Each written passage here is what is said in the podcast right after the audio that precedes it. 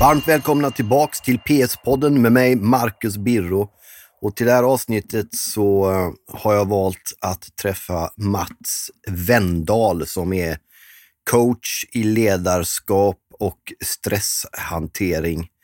Eh, Mats som eh, kommer från näringslivet ursprungligen, men eh, för några år sedan bestämde sig för att sadla om och arbeta med med rådgivning i stresshantering och coach i ledarskap och, och sådär. Och det var som, jag vet inte riktigt hur det är för er, men eh, för egen del så kan man ju bli lite lätt eh, pendla mellan att vara ganska självgod och tycka och tänka att eh, ens hjärna funkar ungefär som den ska, ungefär som man vill att den ska. Och så kan man liksom varva de dagarna med dagar då man undrar vad det är för fullständigt fel i huvudet på en helt enkelt. Och så ska man försöka få ihop de där bitarna. Och att träffa Mats, att tala med Mats, eh, som jag fick göra då, både inför och framförallt då under avsnittet som ni snart kommer få höra, det var som att få hjälp med att gå in i en mörk korridor tillsammans med någon som hade både ficklampa och nyckelknippa och en varm arm runt ens axlar eh, medan man gick in i den där mörka korridoren och sa att det är kanske dags att du tänder upp lite grann här, fattar du? Att alla de där tankarna du har inte är du. Det var verkligen som att få, få en guide ut ur det som ibland riskerar att lamslå oss, nämligen oss själva. Vi själva, tankarna vi bär på. Det var en, en dörröppnare att träffa Mats Wendahl och jag hoppas att ni har utbyte av samtalet. Ehm, för mig känns det som att eh, den knappa timman vi satt tillsammans var begynnelsen på någonting riktigt stort och spännande faktiskt. Det var som att, eh, ja, det var, det var fint. Jag är glad över det. Sen är jag från Göteborg också, vilket naturligtvis i de flesta sammanhang, eh, förutom när det gäller humor, eh, är en pluspoäng. Så varsågoda, ta och lyssna och lär lite grann av Mats Wendahl så hörs vi eh, längre fram i ett annat avsnitt. Då är det ju sant nu att hälsa alla varmt välkommen tillbaks till PS-podden. Jag heter Marcus Totti Birro och är programledare för den här podcasten. Och, Eh, till den här veckan så har jag glädjen att ha Mats Wendahl här. Välkommen Mats! Tack! Du har ju några försonande drag direkt som vi tycker vi ska ta. Och det har ju inte med att du håller på Gais att göra utan att du är från Göteborg. Vi börjar där. Ja, ja så är det. det är, man. är du född och uppväxt i Göteborg? Född och uppväxt i Göteborg, absolut. Hur kom det att, att du blev Gaisare då? Farsa. Ah, okay. Spelat i Gais. Ah, okej. Okay. Ja, ja. Var på relativt hög nivå då utgår Nej, bara B-laget. Han var inte tillräckligt bra sen. Det var. Ah, okay. Jag såg, bara kort innan vi lämnar den biten, vi ska inte prata så mycket fotboll, men eh, eh såg du Gais igår spela? Nej, jag läste att... Eh, ja. de, hade de har extra gula extra tröjor. Ja, visste jag faktiskt inte. Nej, det gillar vi inte alls. Nej, alltså. nej, okay, nej, nej. Eh, Men vill... nästa vecka händer något bättre. Det är derby Örgryte-Gais va? Ja, ja det är stort. Ja. Mm. Till skillnad från Häcken som inte får ha derby mot Blåvitt eftersom Blåvitt inte anser att Häcken är ett Göteborgslag. Okay. ja. Eh, hur är läget till att börja med? Mycket bra. Ja. Mycket bra. Känns det bra allting? Det känns perfekt. Ja, tåget upp var nästan i tid och så? Ja, bara 45 minuter sent. Ja, det är riktigt. Ja, då räknas det som i tid. eh, ska vi säga, börja med att du kan presentera lite vad du jobbar med själv till att mm. börja med. Hur du skulle med egna ord beskriva din verksamhet, det du gör nu, så kommer vi in på hur du hamnade där. Så, men vad, med egna ord, vad är det du gör? Vad jag gör? Eh, ja, kan jobba med personlig utveckling, eh, stresshantering för individnivå, på gruppnivå, företag, eh, mental träning och sen jobbar jag då med ledarskap inom företag, coachning och sånt där, ledningsgrupper. Eh, och vi ska säga det att du är ju från näringslivet från början. Du har ju varit i näringslivet och sådär. Ja. Som? Många år som portföljförvaltare och började min tid en gång i tiden på sent 80-tal som valutahandlare då mm. och jobbade länge i den branschen så att säga. Ja. Och, eh, men eh, ja, avslutade den karriären för några, fyra år sedan, så nu har jag kört det här istället. Då. Vad var det som gjorde då och där, eftersom du nu jobbar med, med mycket mot dem där du tidigare var, så att säga, mm. antar jag då? Man kan säga som så här, liksom, i den professionen som jag var under flera år så var det ju en miljö som påminner väldigt mycket om idrottsvärlden just med prestera. Och mycket stress naturligtvis. Och samtidigt förstå eh, ens mentala processer. Liksom. Det är ju mycket stress, det är mycket mätbara resultat från dag till dag hur det har gått. Om du jobbar som typ på den tiden då med valuthandel då, som mer, idag är det mycket ja, datoriserat och system som gör det, men då var det individerna som hade alla besluten.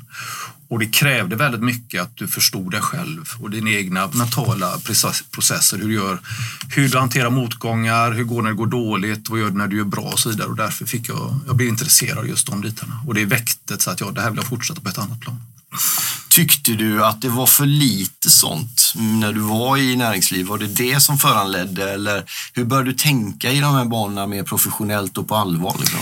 Det var liksom mer ett egenintresse. Det var ju liksom ingenting man fick hjälp om på något sätt. På den tiden var det så, mental träning var ju väldigt diffus på 80-talet. Liksom det fanns kanske möjligtvis i idrottsvärlden men i näringslivet fanns ju inte de aspekterna. Så det var mer att jag stötte på det och började liksom, finns det någonting annat här som jag kan ta hjälp av för att bli bättre så att säga. Då? Ja.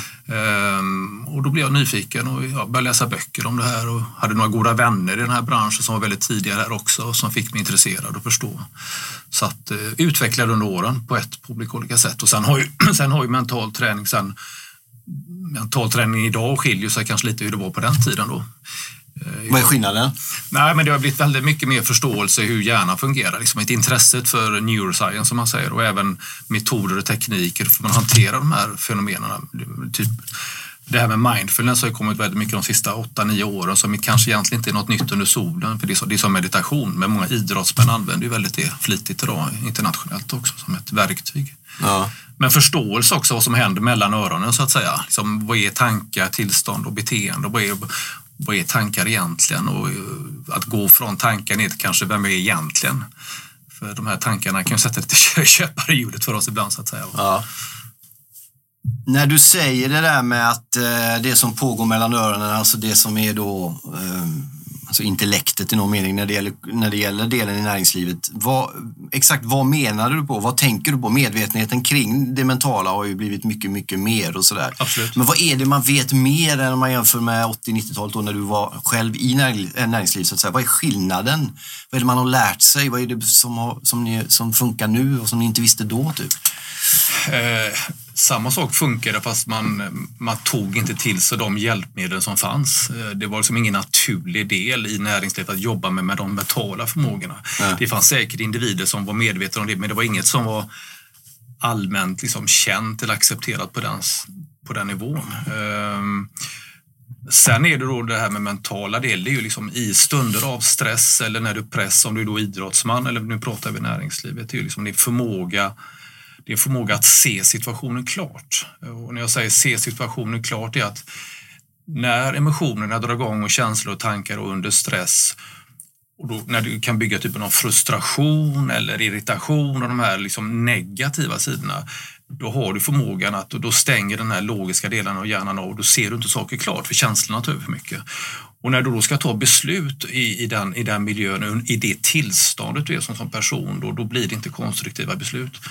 Eh, har man då förmågan att kunna samla kroppen och vara medveten om sitt tillstånd, hur att äh, nu ser jag inte saker klart, här behöver jag göra någonting och framförallt vad du inte ska göra när du är i ett dåligt tillstånd till exempel. Och det, det kan vara nyckeln många gånger att du ska lyckas eller inte. Vad är det man inte ska göra då konkret om man är i ett känslomässigt tillstånd? Är det att fatta beslut som är, väger ja, tungt? Ja, kritiska beslut. Eh, om vi kan titta, så vi tar som ett exempel, du som spelar fotboll eller är intresserad av fotboll, Marcus, då, ser att du har ju vissa dagar när du som fotbollsspelare kanske går in på plan och du vet, du, du känner inte på hugget riktigt. Du känner att idag inte, ja, man känner sig lite småirriterad kanske man går på plan redan. Eller, och då räcker det kanske att domaren säger någonting eller att du blir fälld eller tränaren säger någonting så går du igång direkt eller ja. du gör en glidtackling. Så här. Eh, grejen är att två dagar senare då så kan samma sak stort hända på nästa match. Men du är i ett bra tillstånd, du mår bra den dagen. Och oavsett vad som händer runt omkring dig i din miljö, på planen eller vid sidan om, så hanterar du, du bryr dig liksom inte, du spelar din bästa fotboll ändå. Eh, att förstå då att det är liksom inte omständigheterna som gör att hur du hanterar det utan det är ditt tillstånd just den dagen, gör att du kan se det som det är. Men kan du, kan du påverka det tillståndet själv? Kan jag alltid se till att vara i det andra tillståndet du berättade om som är bättre, att jag inte går igång på grejer? Det är en bra fråga. Eh, början är att du ska förstå insikten hur det här fungerar. Oftast är det så när vi vilska, när vi är under stress eller när vi är i ett dåligt tillstånd så vill vi alltid fixa det, lösa det så att säga. Va? Vi vill ju inte vara där. Mm. Vi agerar ut, vi gör oftast någonting, vi skyller på andra människor eller vi skyller på domaren. Det är ett sätt på att, att, att när egot tar över om man säger så. Va? Eller när tennisspelaren kastar racket när han gjort något dåligt. Han liksom det är ett sätt att projicera sin egen misslyckande på någonting annat. Så att säga, va? Men det inser att, att det är en förståelse som är det viktigaste hur det här fungerar. Och när du gör det, då är det ingenting du behöver göra. Men det kommer automatiskt eller? Ja, för att ju mer du behöver fixa och lösa någonting, Ja. eh, oftast då fyller du med mer eh, liksom, tankar i huvudet egentligen. Va? Så att, eh, låt det bara vara så sköter sig kroppen det automatiskt. Det handlar ju också lite grann om att våga, att våga kliva ur någonting när hela kroppen känslomässigt allt skriker att man ska gå in i någonting. Mm. Det är svårt det där. Ja, det är det. Är det olika beroende på vilket temperament man har också som, som människa eller om man, vad man har för ursprung? Vi pratar liksom om skillnad i latinska, nordiska länder. Finns det en sån skillnad eller är alla människor ungefär likadana? Eller mycket Nej, präglas man av kulturen? I grund och botten är vi ju lika. Vi föds likadana. Ingen föds ju med temperament så att säga. Nej, nej. Vi, vi är ju barn från början. Vi föds oskyldiga. Ja. Eh, sen naturligtvis formas vi under uppväxt i den miljön vi är naturligtvis. Eh, och dels om du pratar då, eh, som du säger, italienskt eh, blod och allt det här naturligtvis. Det är ju att du formas i den miljön du har varit. Men i grund och botten så föds vi ju inte med temperament, så vill jag säga. Och det är det här oftast att vi har våran bild, vem jag tror som är som människa och så säger att jag är sån här. Eller jag är, och den här inre dialogen man pratar om sig själv, att jag, jag är inte bra på det, jag är inte bra på det. Men det är ju aldrig, det är bara dina tankar om dig själv så att säga, eller dina valda sanningar som man säger då. Ja, fast det där är det sant. Alltså, jag, en vald sanning att ta konkret i mitt fall exempelvis är att jag är fruktansvärt oteknisk. Alltså på ett handikappande sätt. Jag, jag, har, jag fattar inte. Jag har inte tålamod, jag har inte tid. Och jag har prövat många gånger olika, olika känslotillstånd. Jag är fortfarande lika jävla värdelös på det. Är det bara någonting jag, är jag bättre än vad jag tror på det? Det du säger, ditt känslotillstånd, för du knyter an ett känslotillstånd till ett typ av något som du inte klarar Ja, jag blir av. stressad bara jag tänker på det. Ja, du blir stressad av att tänka det. Eh, sen klart kanske det finns i viss mån av talang, men man kan ju träna upp sig självklart. Va? Men för att kunna träna upp sin förmåga så måste man då eh, släppa de här begränsningarna och förstå de här känslotillstånden, var kommer de från början? Eh, vi kan säga så här Marcus, att det du tänkte igår eller för en vecka sedan, det är oftast de du tankarna du har idag också. Och det du tänker idag, det är samma upp, du kommer att få du samma upplevelser ungefär stort sett. Och det är därför man tycker att det händer ungefär samma sak varje dag. Och, så, och utefter får du ett bit av beteende efter de här tankarna och emotionerna du har skapat i kroppen som kan vara gamla emotioner du känner igen. Eh, ibland händer det dock att vi stöter på en händelse som du tänker lite annorlunda och som skapar en helt annan emotion. En annan känsla runt det. Och då blir du nyfiken och så kanske du gör ett annat beteende efter det. Och när du kan skapa nya upplevelser efter nya tankar och nya emotioner, det är det vi kallar för utveckling. Och då menar jag det, när vi kan gå in i en händelse, en, en situation och inte värdera och döma den så mycket. Det kan vara när vi träffar människor generellt sett eller situationer. Att kan vi låta bli att värdera och döma situationen utan den bara är som den är. Då kan vi bli väldigt nyfikna istället. Och då kan vi skapa en ny känsla runt den händelsen, upplevelsen. Och den kan skapa en ny emotion. Och då kan, vi, då kan hända massa fräcka saker. Men om vi går in och värderar och dömer efter våra valda sanning eller hur vi, det som vi alltid gör, då blir oftast upplevelserna likadana och då händer inte så mycket. I missbruksvården och bland anonyma alkoholister så får man ju lära sig väldigt mycket om att man inte är sina tankar eftersom man oftast har agerat ut, druckit eller knarkat eller vad man nu har gjort Ja. på de här känslorna som det, som det heter. Då. Men hur jobbar man med det rent praktiskt när de här grejerna händer? Hur ska man tänka för att komma in i ett nytt mun- tankemönster? Liksom? Framförallt, man ska inte tänka alls kanske egentligen. Då, va? Men det, det, återigen handlar det om en förståelse hur det fungerar. Det är som du säger, hur ska man göra? Vi vill, vi vi vill ha verktyg hela tiden för att hur ska jag göra? Eh, jag tycker meditation eller mindfulness kan vara en bra väg att, att stilla sinnet för att börja lyssna inåt. Eller bön? Bön är en sak, absolut. Eh, Det är ju en typ av självreflektion. Eh, Och det är inte att vi kanske ska gå in och be och prata med Gud, utan när vi gör det så pratar vi med oss själva egentligen. Det är vår här, vi får, alla har ju vårt svar inombords. Om vi kan stänga av det här bruset. Eh, Och det här bruset i år, eller i, år säger jag, men kanske nu för tiden, är att det händer så mycket hela tiden. Som tar vår uppmärksamhet. Det är där intressant också, för det är vi som är lite äldre då. Vi har ju varit med när det inte var lika brusigt. Och det var inte så att det var bättre förr, men det fanns mer utrymme för kontemplation och eftertanke förr än vad det gör nu. Jag, på mig själv bara, jag har jättesvårt att se, sätta mig och kolla en film om den inte tar tag i mig de första tre minuterna. Innan, för 20 år sedan, så hade jag en annat tålamod. Absolut. V, v, hur präglar det folk, tror du? Det präglar folk väldigt mycket. Eh, Titta på den här psykosociala ohälsan som pratas mycket om stress, arbetsrelaterad stress eller stress i samhället generellt sett. är ju naturligtvis eh, ett problem i och med att den stiger så som det gör och det kryper ner i åldrarna. Ungdomar alltså har ju, känner en enorm stress idag på grund av olika anledningar. Det kan vara kraven på sig själva eller omgivning och så vidare. Va? Ehm, och det är klart, och den här då som du säger, otåligheten eller man inte har tålamod och sånt. Om vi ska utveckla det, det du säger då Marcus, det här med tålamod, så är det ju ofta så att stress eller det här eh, oron man har sig är ju på grund av att vi upplever något som är fara. Mm. Eh, och när vi inte har tålamod, är att vi vill att någon ska hända någonting och vi, vi är rädda att det inte blir som vi har tänkt oss. Så det är en typ av rädslor och faror som vi målar upp. Och det är ju den här naturliga stressresponsen vi har, som får vi får i kroppen. Då. Ehm, och det har att göra med att vi är ju, vi är ju skapta så att, att det här med fly och fäkta, när vi upplever en fara, så förr i tiden så dödade vi det här lejonet eller vi sprang därifrån. Eh, och det var inget, det är inget onaturligt. Eh, eller som en, om en zebra blir jagad från ett lejon till exempel. Men saken är den att efter vi upplevt den här faran, eller som vi tror är en fara, så måste vi då gå ner i någon typ av vilofas eh, för att återhämta oss. För det händer ju massa saker i kroppen med stresshormoner och kortisol och så vidare som måste balanseras i kroppen igen. Men 2018, så som vi lever då, så får vi aldrig tid med den här återhämtningen. Och vi är, upp, vi är beroende av kickar, vi är beroende av bekräftelse, vi har inte tål, allting ska hända med en gång. Och det ser på företag också, liksom man vill ha svar på mail direkt eller sms och allt detta. Va? Eh, för att göra lång historia kort då, så är det så att när vi ser en situation så kan man fråga så här, varför upplever jag det här som ett hot? Mm. Det är en bra början. Liksom, de här känslorna som jag känner, oro och stress. Varför upplever jag det som ett hot, en fara? Det kan vara att någon person säger någonting som ger mig feedback. vad, vad är det i mig som gör att jag går igång på detta? Till exempel, mm. Så det handlar mycket om medvetenhet. Väldigt mycket en egen medvetenhet. När det gäller i affärsvärlden eller företags och på, jobb, på jobbsituationer och arbetsplatser så det känns Ibland kan man bli nervös för att någon ska ta emot ett besked på ett visst sätt vilket gör att man slingrar sig eller man håller sig undan eller ljuger till och med. Alltså man blir skraj för hur den andra ska reagera och, försöka, ja. och, och duckar istället. Ja. Och det är också intressant att säga Marcus, därför att när vi tar ansvar för andras personens känslor, ja. Då är risken att vi gör avkall på oss själva. För du äger, det är bara du som äger dina egna känslor. Du kan inte äga någon annans känslor. Du äger, du äger alltid bara dina egna känslor. Mm. Om då du säger någonting till en person som blir arg så är det ju ändå den personens känslor. Och det är ju den personen som tar ansvar för det så att säga. Va? Men det kan också göra att jag vågar, vad ska den personen säga om jag säger så här? Och ja. kanske man så vidare, så här. Och det, det är klart, vi ska inte gå runt och såra människor, det är inte det jag säger naturligtvis. Men den här ärligheten att kunna säga att jag tycker så här och vidare och ta ansvar för sig själv. Det är mm. där vi måste börja. Mm.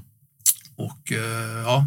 När det gäller en annan grej, jag pratade med en, när jag sa att du skulle komma hit och vad du jobbar med och sådär. Så han, han fråg, han, vi har pratat om, om vemod och melankoli. Mm. Han, och jag är, jag är väldigt mycket sån. Han har varit sån, men har slutat med det. Eller han är inte lika melankoliskt lagd längre. Han sitter inte nere i sin bastu i bostadsrättsföreningen med gamla kärleksbrev från 90-talet och lyssnar på gamla Cure-skivor och sånt där. Som, han, han, lyckades, han sa att jag har slutat med det. Mm. Och då tänkte jag, okej, okay, shit, jag trodde det var liksom en läggning. Om man har blåa ögon eller man är melankoliker och gör någonting åt. Men det går, går det att göra någonting åt sådana saker? Läggningar som man anser att man har. Min fasta övertygelse är att vi kan, förändra, vi kan ändra oss. Eh, den dagen vi säger, jag har ju stött på människor när jag håller föreläsningar som säger att jag är så här. Ja, och så är man fast i det här och då blir man då är man liksom ett offer under omständigheterna. Va? Men min fasta övertygelse är att vi kan ändra oss. Vi kan ändra oss, vi kan utvecklas, det kan bli någonting bättre. Eh, och, och, vi, och visst, vissa perioder har vi det väldigt tungt i livet. Vi, vi går igenom massa saker. Det kan vara skilsmässa, det kan vara dödsfall och allting och så vidare som, som präglar oss naturligtvis. Men jag tror absolut att vi har en förmåga, att kroppen har förmåga rent själsligt att läka. Och eh, att vi kan komma ur det här, om det nu är melakoni och sånt och må bättre om. Men det hittar de vägarna. Och sen kanske få hjälp med det naturligtvis. När det gäller skilsmässor då, det är intressant bara kort där, alltså män verkar ju må sämre, det finns extra statistik på det, eh, men att de verkar må så otroligt, varför är de så otroligt mycket sämre än kvinnor på att att resa sig och gå vidare och jobba med, med sig själva? Är det för att de har levt i ett förhållande där de, där de inte har behövt jobba med sig själva? Eller? Det kan vara så. Eh, sen tror jag, eller nu, nu generaliserar kanske, men kvinnor har ju förmåga att vilja prata mycket mer och kommunicera och öppna upp sig i sin, i sin, i sin miljö tillsammans med den miljön de är med kvinnor och väninnor. Vi män är väl lite mer eh, vi går för oss själva och håller mycket inom oss. Jag tror det ändras i och för sig. Jag ser på mina barn som har eh, ja, killar och de, det är helt annat tänk idag 2018 det var när vi växte upp. Då höll man saker innan, man pratade inte så mycket om de här sakerna. Eh, men det gör kvinnor på ett helt annat sätt till godo tror jag och därför tror jag många kvinnliga ledarskap i framtiden är väldigt positivt just att eh, det här med yin och yang så att säga, att vi, vi, vi män kanske ska ta lite av det här, lära av det kvinnliga och sen finns det massa saker som naturligtvis kvinnor bör ta som män. För vi är olika och vi ska få vara olika, mm. men vi har lära av varandra. Eh, men jag tror det, prata mer och diskutera de här frågorna tror jag är jätteviktigt. En grej som vi, vi eh, snackade lite i telefon häromdagen när vi pratade så var det här med vanans makt, det tycker jag är kul. Den är ju både en välsignelse och en förbannelse i mångt och mycket. Alltså om man väl hamnat, brutit dåliga vanor hamnat i bra vanor så är vanans makt väldigt bra för en. Absolut. När man bryter missbruk eller vad det kan vara, ja, liksom skadebeteende i någon form. Yes. Men det kan ju också bli förslavande och, man kan, och, då, då, då, då, tänker jag så här, man, man, man gör samma saker varje dag och så vet man, okej okay, om jag tar den där vägen nu och går och gör det som någon vill att jag ska göra. Jag tycker det är skitjobbigt men jag vet innerst inne, mm. och kommer jag över den första tröskeln och gör det, kommer jag efteråt tycka, var jag glad över att jag gick dit. Yes. Och ändå åtta gånger av tio så går jag inte dit mm. och blir sådär lite, varför, mm. var, varför är huvudet sånt? Varför funkar man så? Ja, vanan det har ju att göra med lite om att det, det har oftast med trygghet att göra. Uh, trygghet är ju väldigt skönt att vara trygg. Ja, men det är uh, tråkigt med. Det kan, det kan vara, ja det är tråkigt. Uh, men det är olika för olika människor. En del vill ju ha tryggheten och en del vill testa gränser. Om vi tittar på extremidrottare eller sådana som för, för dem är att, att inte göra de här sakerna är tråkigt för dem. De måste testa gränserna för att utvecklas. Ja. Och vi utvecklas via att testa gränserna. Vi ut, utvecklas när det går med motgångar. Det är då vi växer som människor.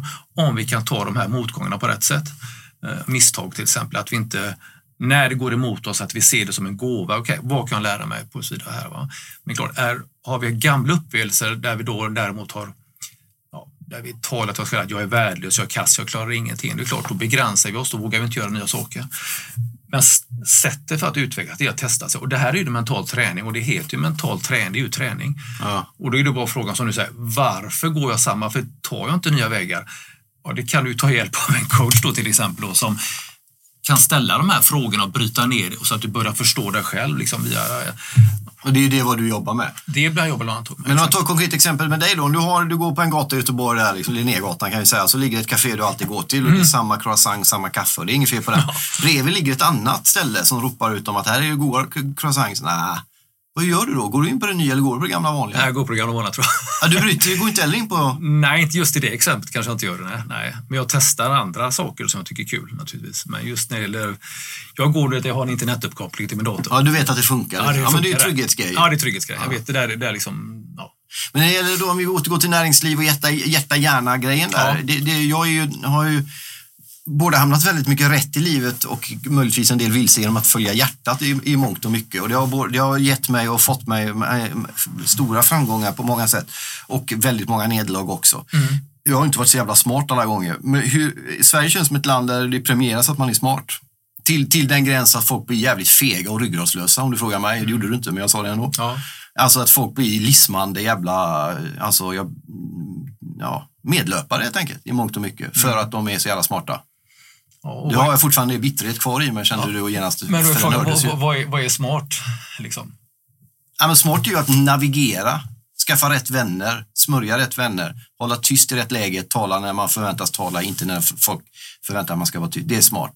Okej, okay. street, ja okej. Okay. Lite sådär, man är lite sådär, ja, men jag kanske inte ska skriva vad jag tycker i det här sammanhanget för mm hur, hur, mycket hjärta och hjärna och vilken, vilken del av procentuellt är bra att ha i näringslivets olika delar tycker du? Oj, oj, oj. Nu, ja, den är tung den. Den är tung och den vågar jag nästan inte svara på, eller våga, men det är ju, det är, då kan man gå till, okej, okay, vem vill jag se i spegeln på morgonen? Och eh, jag är nöjd med det, så att säga. Gillar jag det jag ser? Mm. Det är väl där man kan börja. Eh, sen är det klart, får man välja sina strider och allt det där naturligtvis. Mm. Man kan ju inte ha rätt eller få rätt alla gånger kanske eller få sin vilja igenom utan så, så funkar ju livet naturligtvis. Men i grund och botten så är det ändå att följa sitt hjärta för att eh, och det kan vara, det är klart, det kommer göra ont många gånger, självklart. Men att ju inte göra det, vad är alternativet? När du inte följer ditt hjärta utan du gör vad andra tycker och du lever efter andras krav och borden och måsten. Och då är vi inne på det här planet som jag pratade om, det här när stress, du har ju mental stress och du har fysisk stress och du har känslomässig stress. Men sen har du den här själsliga stressen. Är det en fjärde bit? Ja, det är en fjärde bit. Och det, det är ju det här liksom att när man går till botten, man ställer de här sådana frågor. Vem är jag? Vad brinner jag för? Vad är min passion? Och vidare saker. Och våga lyssna på de bitarna. Mm. Och för mig är det att ah, det finns liksom ingen komponent som klarar sig utan den andra. Jag menar, de fysiska energikällorna, om det är då med att du har återhämtning och du äter rätt kost och att du får, och du får sömn och du får trä, motionera. Det behöver ju kroppen så att säga för att få en ja, energipåfyllnad den vägen. Mm mentala biten, det är alltså hur jag kan vara mentalt stark i vardagen. Hantera de här sakerna, motgångar och så vidare. Hur jag kan lära på misstag. Hur jag sätter lite mål i vardagen. Korta mål som jag kan uppleva. Det är ett bra sätt att träna på. Och sen kan du visualisera, se dig själv lyckas och åstadkomma det och sen med andning och sånt. Sen är det den känslomässiga stressen och det är att förstå sig själv. Tankar, känslor och beteenden. Vilka de här känslorna, var kommer de från början? De kommer från mina tankar och varför har jag det här tankemönstret? Men sen är det de här själsliga bitarna också. Alla de här fyra komponenterna, när de är i synk, då kommer ju något som vi kallar för, då är vi det här som vi alla pratar om, balans. Mm. Och alla den gillar man ju. Den gillar man ju. Och det jag hörde alla, jag vill vara i balans, så hittar jag balans. Eh, eller det här fråga, hur kan jag vara med i nuet? Det är också det här, liksom, hur kan jag vara med i nuet? Men du är alltid i nuet. Eh, det som hindrar dig från att inte vara i nuet, det är det här när du har tankar om dåtid eller framtid. Ja. Eh, som vi känner igen då. Och dåtid är ju då när vi har det här med det där ältandet, liksom när vi upprepar misstag, jag är kass, jag är värdelös, eller man går omkring och tänker i negativa termer. Men vi kan inte göra någonting åt det, men det skapar samma känslor som vi upplevde då, men det tar vi i nutid och känner igen de känslorna. Eh, sen har vi det här framtiden, oro. Vi oroas för saker och ting och vi målar upp riskscenarier och kriser. Vi lever i krisscenarier. Och då, Katastroftänket. Katastroftänket. Ja, det ringer någon, ah, det är någon som har dött. Nej, exakt. Och när vi tar det här krisscenariot och tar det till nutid och då blir det att vi upprepar det innan det har hänt. Och om det skulle hända, så varför ska det hända två gånger? Men då blir det nästan som, om det händer så kanske någon säger, ja, vad var det jag sa? Det var det jag visste. Mm. Men det är ungefär som det står på hypokondrikas gravsten. Det, ja, det blev som jag trodde. Ja, jag fick rätt till sist. Jag fick rätt till sist. Ja, vad var det jag sa? Nej, så att, men det är svårt kanske, men, och det kan bli en klyscha att man ska leva i nuet. Men du, att förstå att du är alltid det. Och när vi kan vara i det här så kallade nuet som, ja, och vi kan släppa de här tankarna om dåtid och framtid och allt detta, då, då blir vi mer uppmärksamma på våra medmänniskor. Vi lär oss lyssna på rätt sätt. Vi hör vad människorna säger, vi kan vara närvarande, vi tar bättre beslut och allting. Så att då handlar, då är vi, när vi fokuserar på en sak i taget och allting och då, då kommer det här förmågan att uppnå det vi kallar för flow eller zonen som man pratat om på idrottsspråk. När vi känner att allting känns enkelt. Mm. Det, du, du är avslappnad, du bara kör på, det är kul och det är balansen mellan din förmåga och, och, och de här kraven som ställs är i synk och allt detta. Och, det, och då är det den här extrema, extrema djupa närvaron och det är det många idrottsmän jobbar idag. Eh, framförallt i USA, amerikanska fotbollslag och sånt. Just den extrema närvaron är viktig. Det där du beskrev nu är å andra sidan också då en beskrivning av missbruk i någon mening. Hur tänker du? Äh, därför att det är ju i ruset, det där, att vara i zonen, att vara ja, liksom, ja, det, menar, sensibla människor som har svårt att stänga av det förflutna och framtiden. Ja. När man dricker till exempel, och det behöver inte vara missbrukare för, alltså, även om man kan hantera alkohol. Nej. När man dricker då stillar ju sig förflutna och framtiden. Mm. Det är ju mm. den bästa, om man får säga så. Mm. Det är det ju trots allt, på ett sätt grejen att hamna i nuet är att dricka egentligen. Är det, hur, hur, vilken risk är det med den, den grejen? Ser man hos folk i, i näringsliv och annat. Jag vet, det är klart, det finns ju missbruk överallt, eh, vare sig det är näringslivet inte. Och det är klart, det är ett sätt att döva. Är man under enorm press så kan det vara ett sätt att döva de här pressen. Och ett, det är ett flyktbeteende då. Ja, exakt. Men och, det kommer tillbaka sen. Ja, men det är därför då kanske alternativet är kanske någon typ av meditation också. Ja. Eh, det är att nu mediterar jag lite grann och lite sånt där, men det finns ju de som mediterar väldigt mycket och vad jag förstår är att de kan ju uppnå samma sak den vägen istället. Den ja. extrema det här extrema närvaron och uppsluten i slutet och, och, och det, Jag var på en grej på ett, eh, ett möte jag var på, ett A-möte faktiskt, en lördag för några veckor sedan, där det var kollektiv meditation i 20 minuter.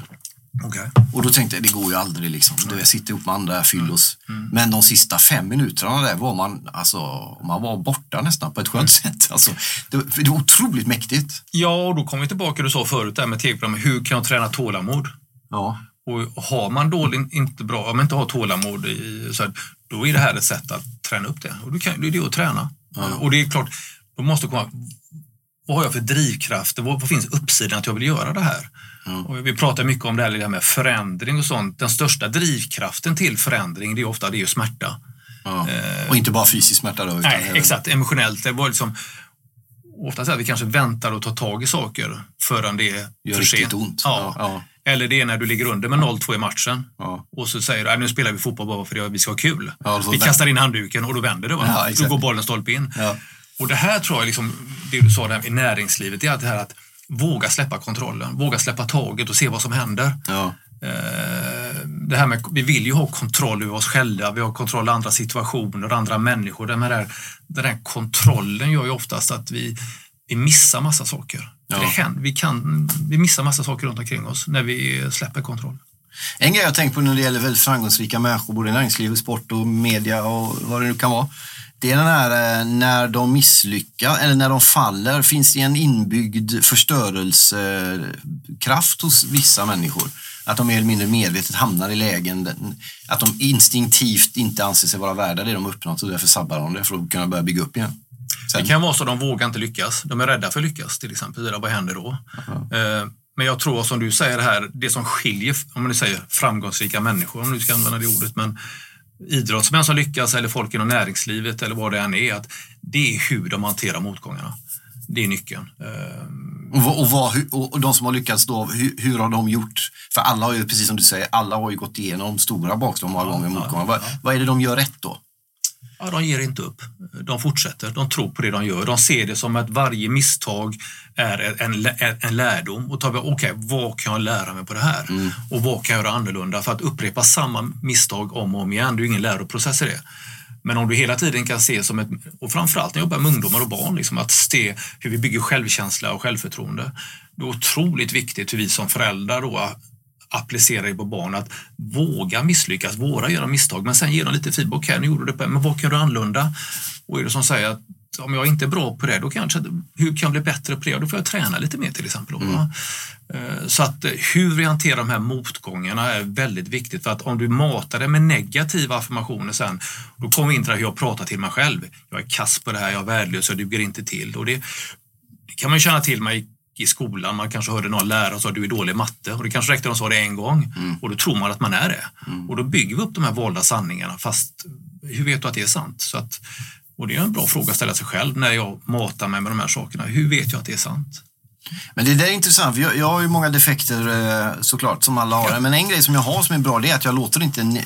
Alltså jag kan söka tio jobb, men jag får tio som svarar nej så tänker jag, ah, okej, men fan, vi går vidare. Men jag kan inte ta åt mig äran av det, för det är inget jag har tränat på. Men det är ett psyke som jag har, eller har jag tränat på det utan att veta om det då? Men vad menar du åt äran? Eller? Nej, men jag, jag, det, jag har liksom inte tränat på att kunna ta motgångar eller få många nej och jobba, jobba, jobba tills det går. Alltså det är någonting som är en, det, det, det är bara ett driv som finns. Det är ett hjul och ett hjul har, inget, har ingen liksom, tankeförmåga. Lite mer så. Jag har inte tränat på det. Hur har jag lärt mig det i så fall? Mm, vad, vad tror du? Uppväxt? Okej? Eller? Ja, det kan det vara. du är expert, du får ju hjälpa då. Mm. Så, Och för att förstå det och det du säger då Marcus, är det ju det att det här kan man ju då bryta ner då för att förstå sig själv. Det, men det kräver ju några, några timmar tillsammans, du och jag, för att du ska förstå dig själv. Och det som är så fantastiskt när du får någon som du kan prata med för att förstå, genom att någon ställer bara några löjliga frågor till dig efter en stund, som, men som verkligen knyter upp den här nyckeln. Jaha, ja just det ja. Mm. Och när du får den här stunden, ja, när du får den här liksom Pandoras do- box öppna sig, liksom att den här nyckelfrågan någonstans till dig som du bör kan, ja, då förstår jag. Jo, precis. För jag vet ju människor som, som har råkat ut för och hamnat i, i kanske mindre svårigheter som jag upplever det, som har kraschat fullständigt. Då. Eh, och, jag, och som kanske inte har haft den förmågan att... att eh, och sen har jag också hört, så många, eh, och man kanske kan säga till mig då att ah, är det jobbigt för dig, du är inte lika... De tror att jag mår dåligt för att jag är på en annan plats än vad jag var 2012. Där jag i deras ögon var mer framgångsrik än vad jag är nu, fast jag själv mår mycket bättre nu ändå. Ja, men vad är framgång? Ja, det är, vad är framgång? Det är en intressant grej. Vi tar det generellt och lämnar byråcentreringen. Ja. För det är vi alla glada över att kunna lämna. Vad är framgång? Är det olika för olika människor eller är det samma? ja, det är olika för olika människor, det tror jag, vad man ser på framgång. Ja. Eh, Hur ser du på framgång? personligen eller generellt? Ja, i den ordningen. Ja, och personligen det är väl lite att eh, må bra om man får uttrycka det i klyschan. Ja. Det är fram att jag är tillfreds med mig själv och jag gör något som jag tycker är roligt. Och sen naturligtvis framgång är väl om man ser sina barn växa upp till eh, bra människor. Ja. Att då har man väl lyckats kanske på något sätt att förmedla något någonting bra. Eh, men framgång, det, det är en, kan bli en väldigt filosofisk fråga naturligtvis. Eh, men framgång är att leva livet så man, när man tittar tillbaka på det, att ja, jag är rätt nöjd med det jag gjorde. Ja. Eh, Sen har man gjort massa dumma saker på vägen självklart.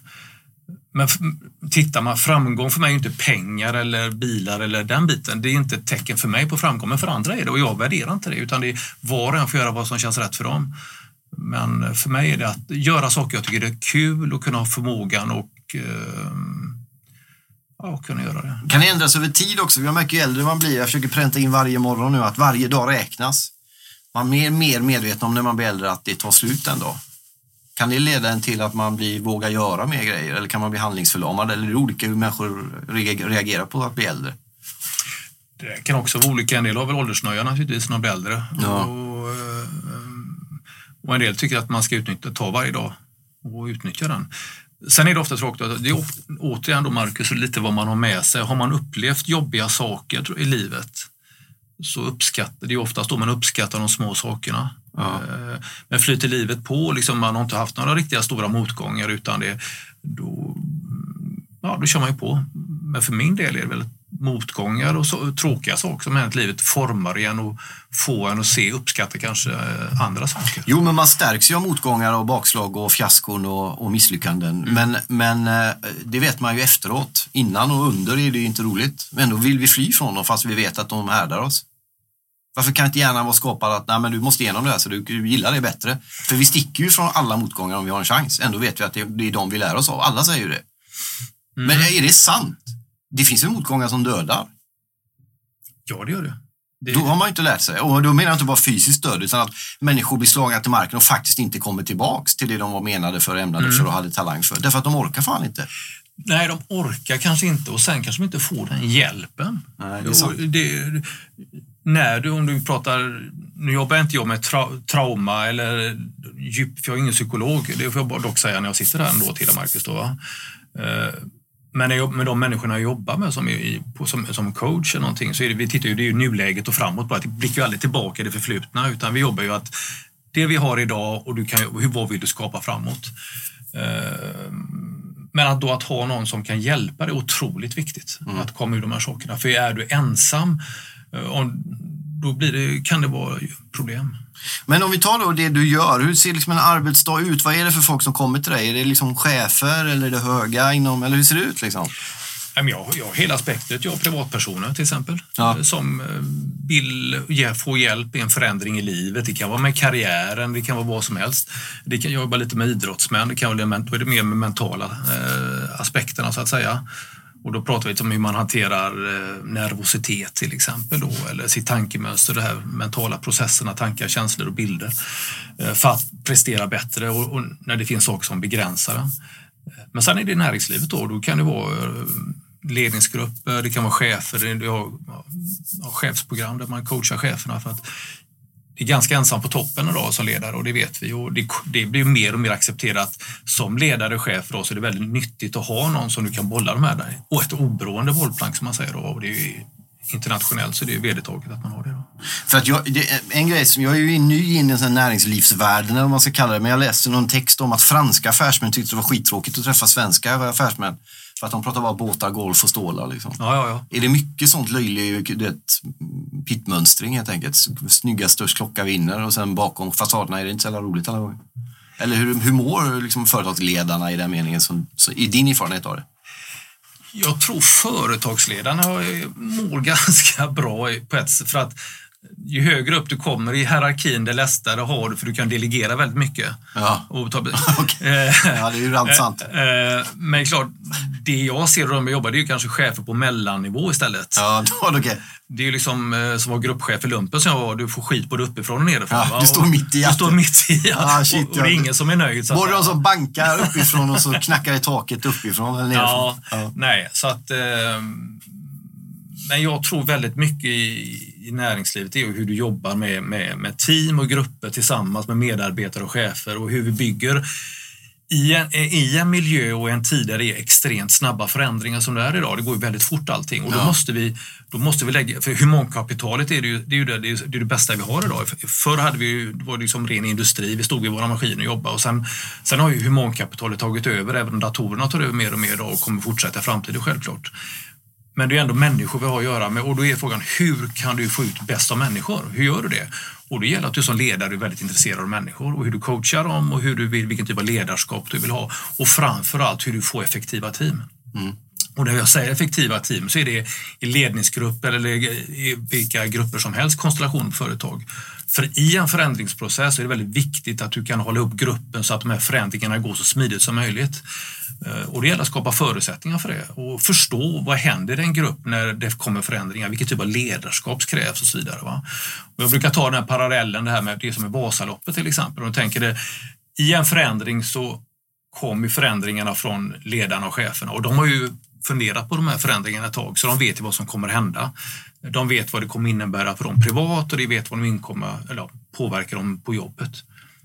Eh, Och det är som startgrupp 1 i Vasaloppet. Så när starten går, då sticker ju den gruppen som kommer iväg först, det är ju eliten längst fram.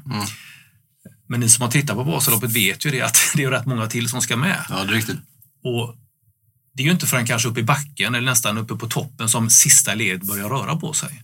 Och det är ungefär som en förändring på ett företag. Cheferna säger nu kör vi detta och så sticker de. Och så står de anställda kvar kanske. undrar, Vad händer här? Hur hur påverkar det mig? Vad kommer det innebära för mina karriär? Vad innebär det min roll i företaget? Hur kommer det innebära mig privat? Hur kan jag jobba? Så här. Och då måste man ju ha en tid för att bearbeta den processen.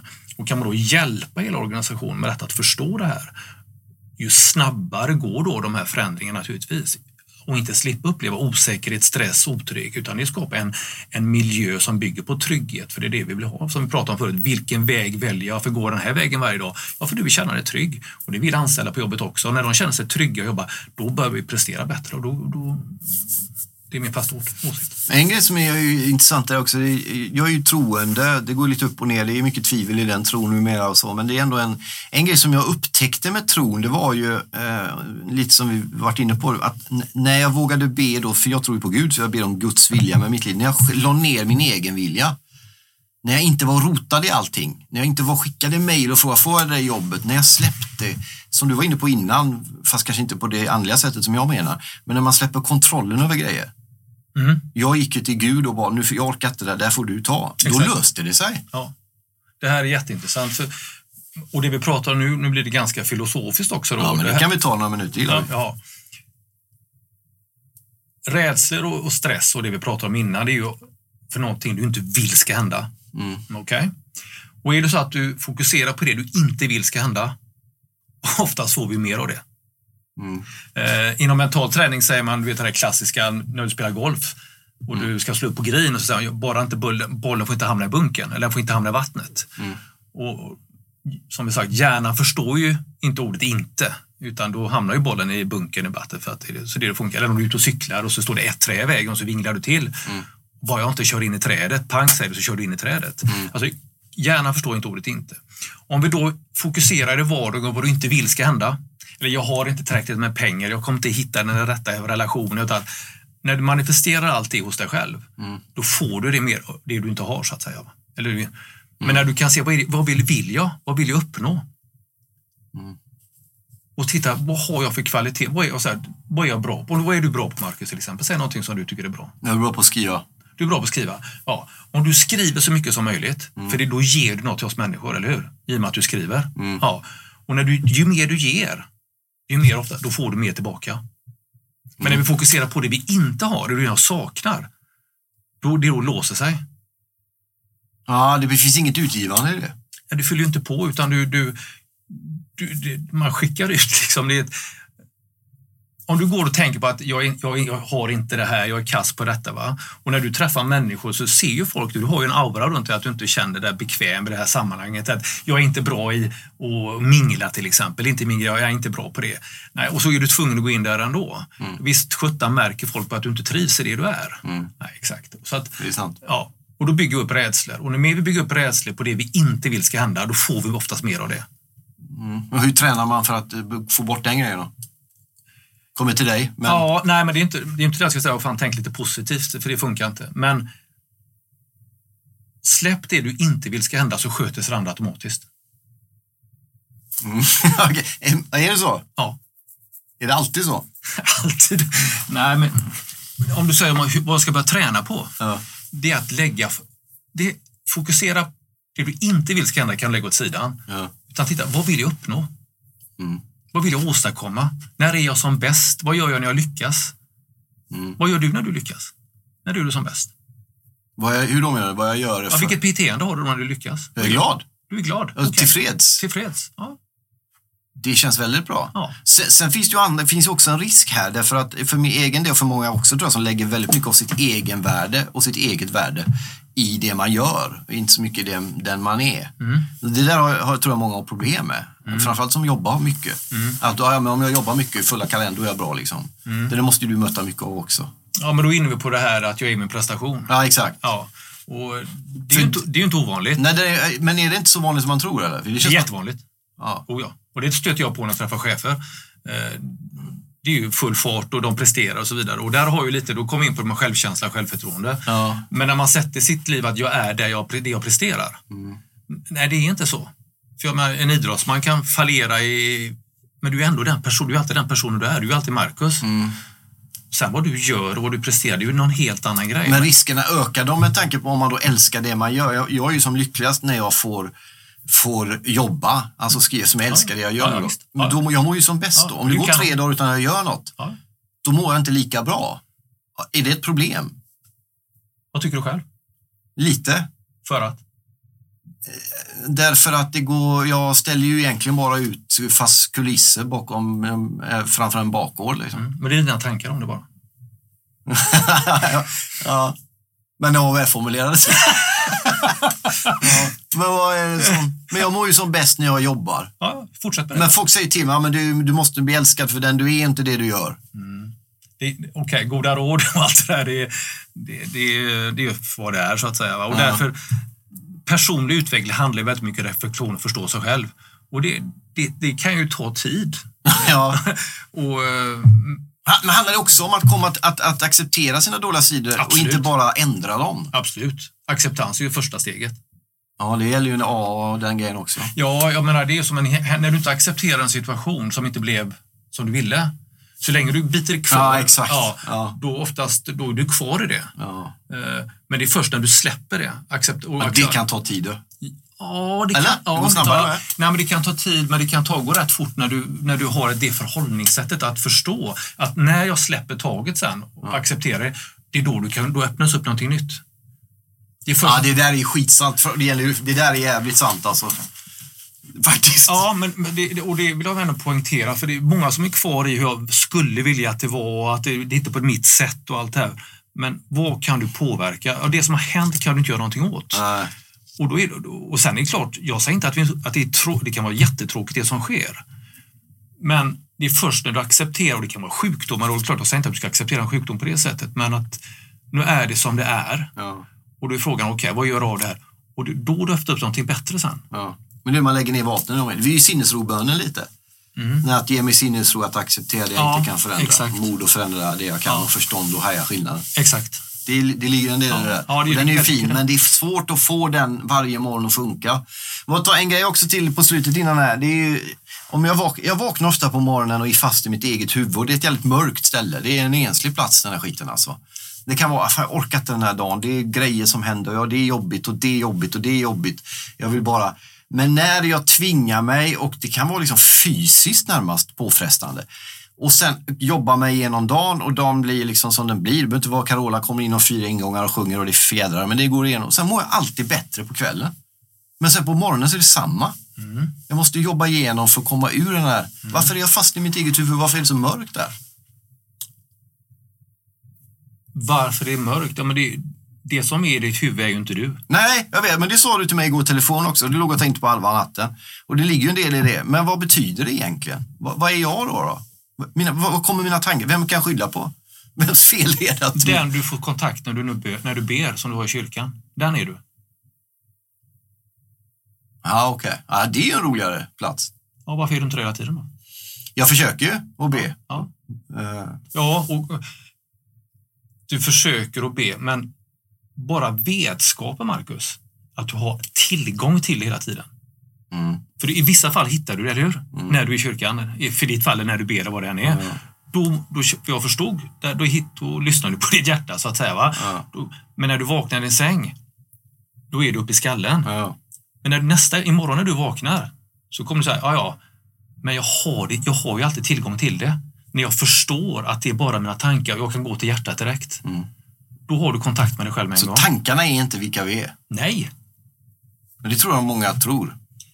ja, för det, det ja visst, men du, vi lever i tankar hela tiden. Som triggar oss. Vi tänker vi- 24-7. Samma som igår tänker vi imorgon och så vidare. Va? Men det handlar om en insikt. Vad, vad är tankar egentligen? Och det här blir väldigt, kan bli väldigt djupt och en del kanske har andra åsikter än vad jag har om detta. Men om vi tittar på när vi är som bäst, vi pratade flow eller zone innan, när vi gör det bästa, när vi mår som bäst och allting. Hur mycket tankar har vi då? Men inte så mycket, nej. Inga alls. Nej. Bara, jag tycker det är bevis räcker. för Att de, när vi är i det här tillståndet, om vi säger Charlotte Kalla åker eh, eller Johan Olsson åker längdåkning och de frågar dem efter OS, varför vann du idag? Jag vet inte, det bara skedde. Det bara, bara var i det som är. Det var inte forcera, det var inte spänna oss, det var inte viljansträngning och allt det här som vi är vana vid upplärda. Vi ska knyta näven i byxfickan och kom igen och bit hårdare och när det är tufft så ska vi pröva ännu mer när vi vet att när vi är som bäst, då är vi avslappnade, vi är lugna, vi har inga tankar, det kommer inifrån oss själva, det vi kallar för magkänsla, inre visdom, intuition och allt detta. Va?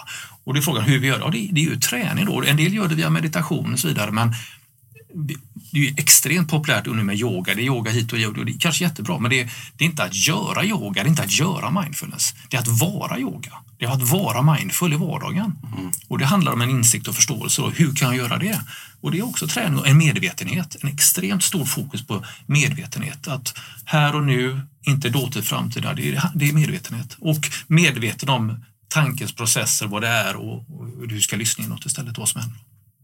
Ja. ja, den där tar vi med oss hela sommaren, Mats. Stort tack för att du kom hit. Ska du gå på derbyt och mellan Gais och i veckan? Nej, tyvärr inte. Ja, okej. Nej, bortrest. Ja, okej. Men eh, vi, vet hur det går ändå, så det spelar ingen roll. Stort tack för att du kom hit. Ja, tack själv. Tackar. Ja.